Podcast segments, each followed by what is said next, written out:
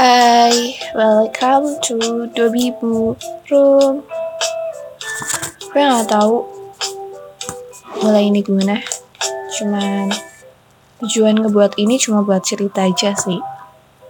Sekarang 7 April 2021